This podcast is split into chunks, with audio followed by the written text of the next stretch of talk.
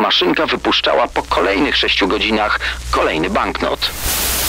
Złodziej tożsamości przypadkowo został szanowanym chirurgiem i bohaterem wojennym. Płatni zabójcy, seryjni mordercy i sceny zbrodni w RMFFM. Dzisiaj powiemy o najsłynniejszych oszustach świata. Nie największych, bo wielu, wielu przewyższa ich kwotami, które ukradli, ale oni działali w taki sposób, że trafili do przestępczych legend. Już za chwilę historia hrabiego Wiktora Lustiga. Dodam, że była to jedna z 40 tożsamości, którymi posługiwał się ten jeden z najbardziej znanych oszustów w historii. Niski, drobny mężczyzna zwany jest największym oszustem z początku XX wieku. Zasłynął przekrętem z wieżą Eiffla. Sprzedał ją i to nie raz. A w drugiej części programu Ferdynand Waldo de Mara, człowiek, który był mistrzem w kradzieży tożsamości, chciał zostać zakonnikiem, a został psychologiem, biologiem, prawnikiem, wybitnym chirurgiem i przede wszystkim amerykańskim celebrytą. Koniecznie zostańcie z RMFFM.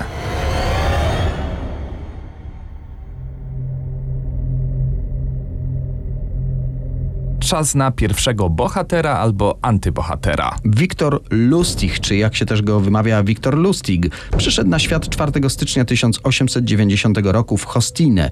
Dziś jest to niespełna pięciotysięczne miasteczko w Czechach, ale wtedy to była jedna z wielu biednych miejscowości Austro-Węgier. Jego rodzice należeli do arystokracji. To jedna z wersji. Inna mówi, że byli przeciętną rodziną, która jednak stała się z czasem wpływowa, na tyle, że tato został burmistrzem Hostinę. No i tu znów musimy wtrącić, że w przypadku Wiktora Lustiga nie można być pewnym żadnego faktu.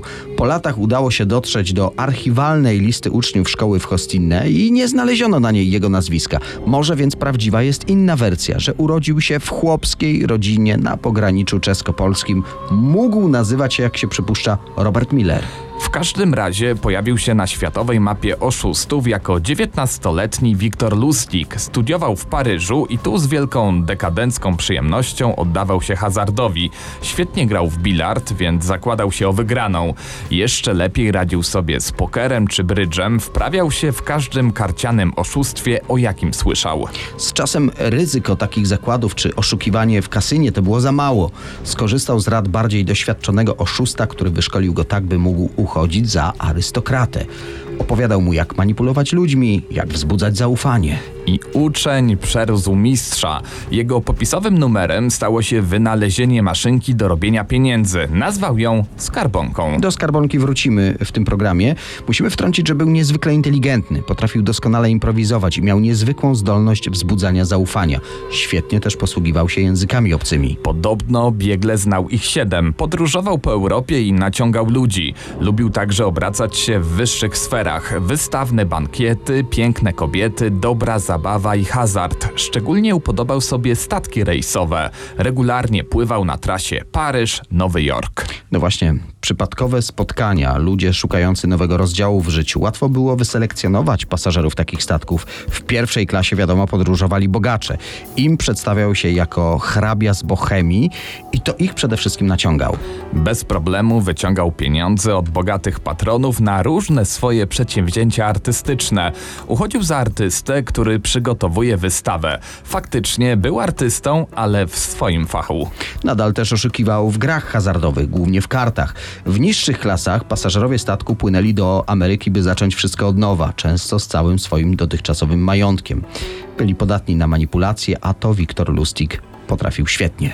Lubił ryzykować, także w miłości. Uwodził kobiety, które nierzadko były mężatkami, a w każdym razie już były z kimś związane. Po jednym z takich romansów została mu blizna do końca życia i to nie na sercu. No, serce goiło mu się akurat nadzwyczaj szybko z każdym kolejnym związkiem. Ale gdy był jeszcze nastolatkiem, poderwał kobietę, której partner postanowił się zemścić. Ugodził go nożem w twarz, zostawiając brzydką szramę na lewym policzku. Ta blizna, która oszpeciła go jako 19-letniego chłopaka, w kolejnych latach sprawiała, że kobiety uznawały go za jeszcze bardziej atrakcyjnego. Jego romanse liczy się w dziesiątkach, jeśli nie w setkach. Ale zostańmy przy oszustwach. Mówiliśmy, że nie grał uczciwie w karty i tak dorobił się pierwszych dużych pieniędzy i być może na tej karierze by zaprzestał. Interes kwitł, ale wówczas w 1914 roku świat pogrążył się w chaosie wojny. Rejsy przez Atlantyk nie były bezpieczne. Wiktor osiadł więc w Ameryce. Upodobał sobie Kansas City, miasto kasyn. Tu nie brakowało kolejnych naiwniaków, którzy marzyli o wygraniu ogromnych pieniędzy. Właśnie w Stanach narodził się kolejny przekręt. Wybranym znajomym pokazywał niezwykły wynalazek maszynkę do drukowania banknotów i właśnie ją nazywał skarbonką. Jest początek XX wieku. 100 dolarów jest bardzo dużą kwotą, a maszynka Wiktora potrzebowała zaledwie 6 godzin, by taki banknot wyprodukować. Wybrańcom wyjawiał sekret swojego majątku i pokazywał, jak maszynka te pieniądze robi. Jak się domyślacie, niektórzy postanowili tę maszynkę od niego odkupić. Zgadzał się odsprzedać swój wynalazek za zawrotną sumę 30 tysięcy dolarów. Suma rzeczywiście niewyobrażalna, ale jeśli weźmie się pod uwagę, że maszynka potrafiła wyprodukować 400 dolarów na dobę, czyli 12 tysięcy w miesiąc, no to sami wiecie, inwestycja zwracała się po kwartale. Chętnych nie brakowało. Zwykle wyglądało to tak. Lustig prezentował działanie skarbonki. Ten pierwszy banknot był perfekcyjnie podrobiony. Wyglądał jak prawdziwy, nie do odróżnienia. W rzeczywistości, co udowodniły analizy, po latach banknot był prawdziwy. Maszynka wypuszczała po kolejnych 6 godzinach kolejny taki banknot, czasem jeszcze jeden. Ale później, po kolejnych 6 godzinach, wychodziły już tylko puste białe kartki. Wtedy klienci najczęściej orientowali się, że nie mają w ręku cudownego wynalazku, a po prostu zostali wrobieni. Nie mogli zgłosić przekrętu, bo przyznaliby się do drukowania fałszywych dolarów. Chcieli odnaleźć oszusta, ale po Lustigu nie było już śladu. Inwestował 200-300 prawdziwych dolarów, a zarabiał 100 razy tyle i znikał. Legenda mówi, że taką skarbonkę zakupił nawet szeryf z Teksasu. Postanowił się zemścić, wytropić oszusta, odnalazł Lustiga w Chicago. Tam jednak Wiktor, wyobraźcie sobie, przekonał tego szeryfa, że po prostu źle tę maszynkę obsługiwał. Oddał mu oczywiście wszystkie pieniądze, a nawet wypłacił dodatkowo coś ekstra. Rekompensata za kłopoty. Szeryf puścił oszusta, ale po jakimś czasie tego żałował. Okazało się, że wszystkie pieniądze, jakie otrzymał, oczywiście były fałszywe. Patentów na przekręty Lustig miał o wiele więcej, naciągał naiwnych bogaczy w całych Stanach i Kanadzie, często zmieniał osobowość, wyłudzał pieniądze także od banków. Przetrwał pierwszą wojnę światową, oszukując na kontynencie amerykańskim. Tam się ożenił i w roku 1925 wraz z żoną i córką wrócił do Francji. Jej stolica przyciągała szczególnie wiele osób szukających tu możliwości rozpoczęcia wszystkiego od nowa. Stawali się dla niego oczywiście łatwymi ofiarami. Ale wciąż szukał sposobu na super przekręt, który uczyni z niego milionera, a przy okazji pokaże wielkość jego geniuszu jako oszusta. Pomysł wpadł mu wiosną roku 1925. W gazecie przeczytał, że władze Paryża mają problemy z utrzymaniem słynnej wieży Eiffla. Koszty jej konserwacji są gigantyczne. Musimy wspomnieć, że inżynier Eiffel zbudował wieżę jako reklamę dla wystawy światowej, odbyła się we Francji w 1889 roku. To miał być pokaz potęgi przemysłu stalowego, jaką w owym czasie stała się Francja.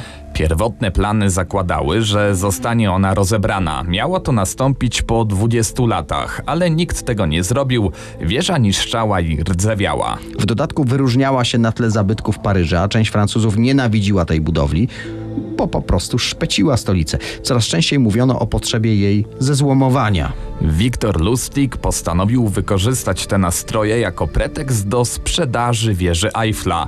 Wynajął salę w prestiżowym hotelu de Crillon i zaprosił na tajne spotkanie niby rządowe największych handlarzy złomem. Przedstawił się swoim gościom jako zastępca dyrektora generalnego Ministerstwa Poczty i Telegrafów. Nie szczędził pochlebstw. Oczarował ich informacją, że zostali wybrani jako najbardziej godni zaufania, uczciwi przedsiębiorcy z tej branży. Apelował do ich uczciwości, by całe spotkanie pozostało tajne. Obywatele Francji nie mogli wiedzieć, że rząd postanowił zezłomować symbol Paryża. Kolejny punkt przekrętu. Pod hotel podjechała limuzyna, do której zaprosił złomiarzy. Oficjalnie podjechali pod wieżę Eiffla, by sami mogli ocenić jej stan. W rzeczywistości to on oceniał ich. Dyskretnie obserwował i notował w myślach, który z nich jest najbardziej łatwowierny, który połknął haczyk, który najbardziej entuzjastycznie podszedł do tej całej idei złomowania. Na koniec ogłosił, że na oferty kupna tej wieży złomu czeka do następnego dnia. I jeszcze raz przypomniał, że to tajna operacja objęta tajemnicą państwową. Podobno już tego dnia wiedział, że wybierze ofertę, jaką złożył André Poisson. Był najmłodszym z tych przedsiębiorców, najmniej doświadczonym, a z jego zachowania wynikało, że bardzo chce w ten sposób nie tylko zarobić, ale wręcz stać się sławnym jako ten, który zezłomuje stalową damę Paryża. A propos damy, żona Poissona y, jednak wyczuła podstęp, pod jej wpływem zaczął zadawać niewygodne dla Lustiga pytania. Szczególnie tempo składania ofert budziło no, wiele znaków zapytania pytania. Lustig więc zorganizował spotkanie w cztery oczy. Ze wstydem przyznał, że jako urzędnik państwowy popadł w kłopoty finansowe. Sugerował, że pieniądze pozwolą mu stanąć znów na nogi. Przedsiębiorca zamiast stać się jeszcze bardziej czujnym, że rozmawia z przekupnym urzędnikiem, zrozumiał, że ma do czynienia z łapówkarzem, a z takimi w swojej branży często się spotykał. Uspokoił więc żonę, że wie co robi, że z takimi osobnikami to on postępować potrafi. Ostatecznie więc André Poisson nie tylko przekazał pieniądze za złomowanie, ale także dodatkowo wielką łapówkę, żeby urzędnik wybrał jego ofertę. Miało to być aż 250 tysięcy franków, czyli na dzisiejszą wartość jakiś milion dolarów. Tuż po tym spotkaniu Lustig z walizką pieniędzy wsiadł do pociągu jadącego do Wiednia. Wiedział, że musi się schronić za granicą, spodziewał się ogromnej afery. A faktycznie Monsieur Poisson, gdy zorientował się, że dokument własności wieży Eiffla nie ma żadnej wartości, obawiał się wyznać komukolwiek, jak bardzo został oszukany. Bał się pójść z tym także na policję, bo nie chciał przyznać, że sam dał łapówkę. Jako, że o sprawie było nadzwyczaj cicho, hrabia Lustig powrócił do Paryża i postanowił sprzedać wieżę Eiffla na złom jeszcze raz. Znów poprosił do drogiego hotelu przedsiębiorców z branży handlu złomem. Jednak tym razem byli oni bardziej czujni, a może on popełnił jakiś błąd. W każdym razie donieśli policjantom o próbie przekrętu. Wiktor Lustig nie dał się jednak złapać, wyjechał do USA. I tu na znanym sobie świetnie terenie zaczął oszukiwać kolejnych amerykańskich bogaczy. Znów oferował skrzynkę produkującą pieniądze. Obiecywał także bajeczne zyski z akcji. Udziałowcem jego biznesu stał się nawet słynny gangster Al Capone. W akcje oferowane przez Lustiga zainwestował 50 tysięcy dolarów. Nie wiadomo, czy Lustig zorientował się, jak niebezpieczny jest jego partner biznesowy, kogo próbował wkręcić. W każdym razie po kilku miesiącach wrócił z pieniędzmi do mafioza. Przeprosił go. Pomylił się. Akcje, co do których miał takie świetne informacje, poniosły spektakularną klęskę. Prawie wszystko, co zainwestował w imieniu swojego partnera z mafii, stracił, ale oddaje mu całą zainwestowaną sumę z własnych oszczędności i oddał całe 50 tysięcy dolarów. Niecałe. Oszust tak zbajerował Ala Capone, że ten przekonany o jego uczciwości był pod takim wrażeniem, że podarował Lustigowi według jednych źródeł 1000 dolarów, według innych aż 5000 dolarów z tych zainwestowanych pieniędzy. Wygląda na to, że Lustig nie dość, że zarobił na odsetkach, bo przez kilka miesięcy obracał inwestycją gangstera, nie dość, że go oszukał, to jeszcze dostał wysoką premię od uczciwości. No i szacunek najsłynniejszego gangstera świata bezcenne. Ale Lustig chciał więcej. W 1930 roku postanowił udoskonalić swój przekręt ze skarbonką. Zamiast udawać, że ma urządzenie do produkcji pieniędzy, postanowił naprawdę taką maszynę zbudować. Zatrudnił chemika z Nebraski, który podjął się wygrawerowania płytek do drukowania banknotów. W tym czasie Lustig budował siatkę powiązań ludzi, którzy te jego banknoty wprowadzaliby na rynek. Dodajmy, że jak wykazało późniejsze śledztwo, dystrybutorzy fałszywek nie mieli pojęcia, że te pieniądze nie są autentyczne. Powiedziałeś o śledztwie. Amerykańskie Secret Service zauważyło gwałtowny napływ fałszywych pieniędzy na rynek. Tropiąc siatkę przez kilka lat, nie zdołali jednak dotrzeć do źródła. Dopiero anonimowy telefon naprowadził ich na właściwy trop. Zadzwoniła jedna z kochanek fałszerza. Wspomnieliśmy, że kobiety były jego wielką pasją, jednak i je oszukiwał. Miał zwykle kilka kochanek, y, stracił z ich powodu żonę. Gdy dowiedziała się o romansach męża, rozwiodła się z nim. Później do niego wróciła tylko po to, by po krótkim drugim małżeństwie znów się z nim rozwieść. Kochanki też nie lubiły być zdradzane. Jedna z nich, gdy dowiedziała się, że nie jest tą jedyną, doniosła na Wiktora agentom federalnym. Lustig został aresztowany 10 maja 1935 roku. W jego portfelu znaleziono tajemniczy kluczyk. Agenci podejrzewali, że to dosłownie klucz do tajemnicy jego oszustw. Lustig nie chciał y, zdradzić, co otwiera. W wyniku śledztwa ustalono, że pasuje do zamka jednej ze skrytek na nowojorskiej stacji metra Times Square. W szafce znaleziono ponad 50 tysięcy dolarów, oczywiście fałszywych, a oprócz tego w skrytce znajdowały się grawerowane płytki, za pomocą których te banknoty powstawały. Agenci mieli niezbite dowody. Spodziewając się wysokiego wyroku, 1 września 1935 roku, tuż przed rozprawą sądową, Lustig podjął próbę ucieczki. Przetrzymywano go akurat na Manhattanie, przepiłował kraty w oknach, związał ze sobą prześcieradła i spuścił się po nich w biały dzień. Gdy tłum zaczął mu się przyglądać, wyciągnął z kieszeni szmatkę i udawał, że zmywa nią okna. Tak uśpił ich czujność, po czym zszedł na dół i zniknął. Policjanci, którzy dotarli do jego celi, na poduszce znaleźli napisaną przez niego kartkę. To był cytat z powieści Nędznicy Wiktora Igo o tym, że skazanego można wyprowadzić na właściwą drogę i że prawo nie zostało stworzone przez Boga, a człowiek może się mylić. Agenci federalni wytropili go prawie miesiąc później w Pittsburghu. Ponowne zatrzymanie go wyglądało jak scena z filmów gangsterskich. Pościg samochodowy trwał na dystansie dziewięciu przecznic. Auta jechały bok w bok, koła piszczały. Silnik wchodził na najwyższe obroty. Karoseria ocierała się o karoserię. Sypały się iskry. W końcu pościg dosłownie staranował uciekający samochód. Auto agentów wbiło się w karoserię auta Lustiga, blokując koła. Agenci z wyciągniętą bronią otoczyli pojazd, a fałszywy hrabia spokojnie, jakby nic się nie stało, wyszedł z auta ze słowami: Cóż, chłopcy, oto jestem. Przed sądem przyznał się do fałszerstwa. 5 grudnia 1935 roku został skazany na 20 lat więzienia. Miał wtedy słyszeć od jednego z agentów: Panie hrabio, jest pan najbardziej śliskim oszustem, jakiego znał świat. Trafił do słynnego kalifornijskiego więzienia Alcatraz, tego z którego, jak głosi legenda, nikt nigdy nie zdołał zbiec. Odsiedział ponad połowę wyroku i kiedy zaczął pewnie myśleć o ewentualnym wcześniejszym zwolnieniu, zachorował na ciężkie zapalenie płuc. Strażnicy więzienni, którzy dobrze znali jego życiorys i pamiętali jego ucieczkę, uznali, że chorobę symuluje, że to po prostu część jego planu ucieczki. Nawet w raporcie napisali o znalezieniu w jego celi podartych prześcieradeł, co było ich zdaniem dowodem, że chce z nich skręcić linę. Gdy jednak choroba się zaostrzyła i było wiadomo, że to jednak nie jest kolejny przekręt tego oszusta, było już za późno. Mimo przewiezienia do strzeżonej placówki medycznej, jego życia nie udało się uratować. Wiktor Lustig zmarł na skutek powikłań o godzinie 20.30 9 marca 1947 roku.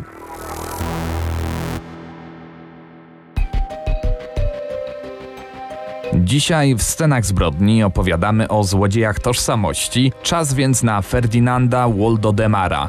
Genialny oszust, o którym w 1957 roku magazyn Time napisał zuchwały, niewykształcony, ale szalenie inteligentny samozwaniec, który zawsze chciał być kimś i za każdym razem, stając się kimś innym, odnosił sukcesy. Ferdynand de Mara urodził się w 1921 roku w Lawrence w stanie Massachusetts.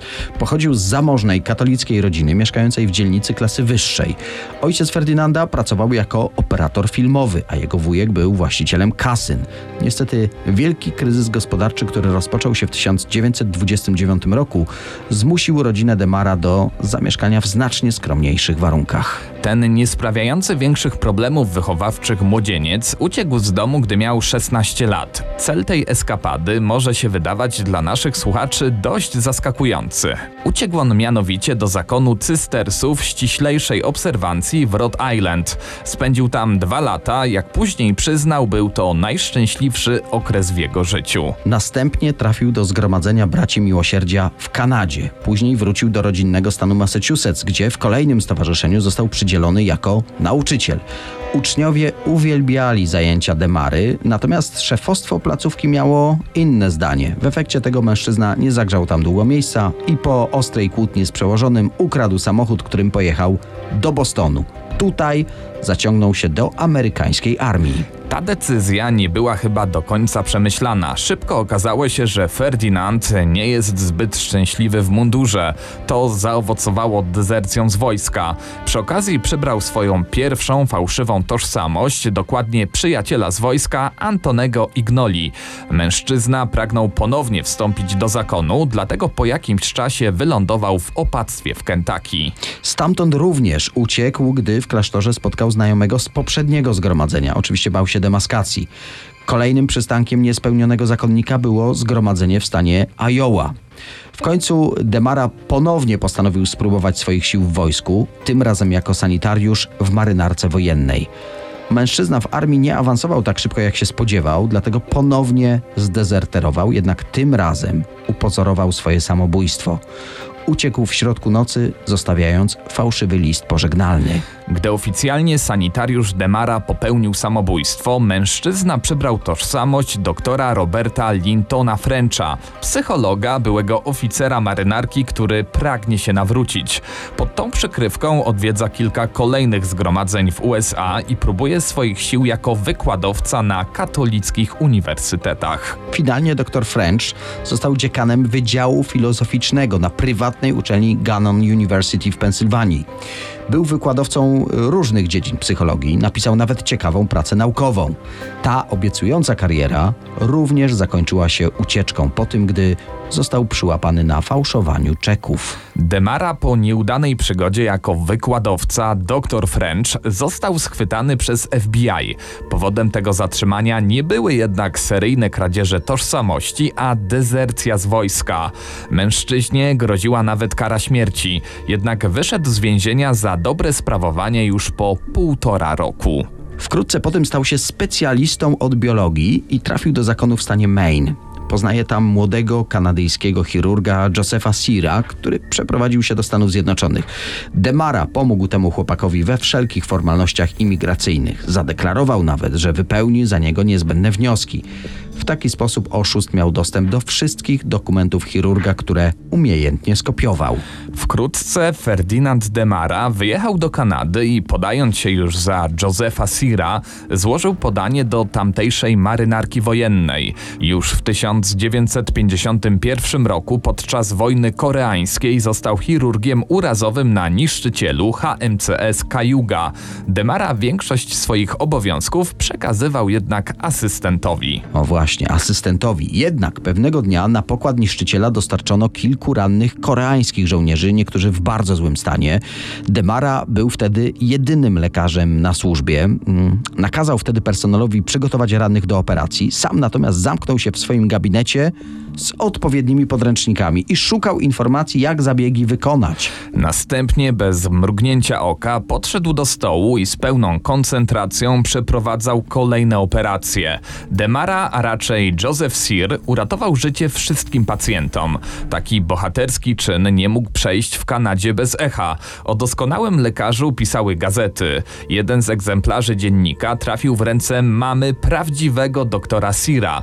Jednak człowiek na fotografii nie przypominał jej syna. W taki sposób oszustwo wyszło na jaw, a kapitan niszczyciela pod presją dowódców musiał zwolnić lekarza. Trzeba dodać, że wspomniany kapitan długo nie wierzył medialnym doniesieniom, bo sam był przecież świadkiem tego, gdy Demara przeprowadzał bardzo skomplikowaną operację klatki piersiowej. Z uwagi jednak na kompromitację weryfikacji swojej kadry, kanadyjskie wojsko nie wytoczyło samozwańczemu lekarzowi procesu. Doskonały oszust w atmosferze skandalu musiał wrócić do ojczyzny. W USA został celebrytą, udzielił obszernego wywiadu dla magazynu Life w 1952 roku. Sława nie wyszła mu jednak na dobre, mocno przytył i coraz więcej pił. Nie wytrzymał zbyt długo pod własnym nazwiskiem. Jako Ben Jones został strażnikiem w więzieniu w Teksasie. Odpowiadał za skrzydło, w którym przebywali najniebezpieczniejsi więźniowie. Podobnie jak w poprzednich wcieleniach Demara, radził sobie doskonale, był lubiany przez osadzonych. Jednak ta przygoda nie trwała długo, bo w 1956 roku został rozpoznany przez jednego z więźniów na zdjęciu we wspomnianym magazynie Life. Informacja dotarła do naczelnika i mężczyzna znów musiał uciekać. Jak wspominaliśmy, mężczyzna odsiedział 6 miesięcy pozbawienia wolności za podawanie fałszywych danych, gdy pracował jako strażnik więzienny. Po wyjściu na wolność korzystał już ze swojej sławy. Wystąpił w kilku teleturniejach, zagrał w horrorze The Hypnotic Eye, oczywiście był tam chirurgiem.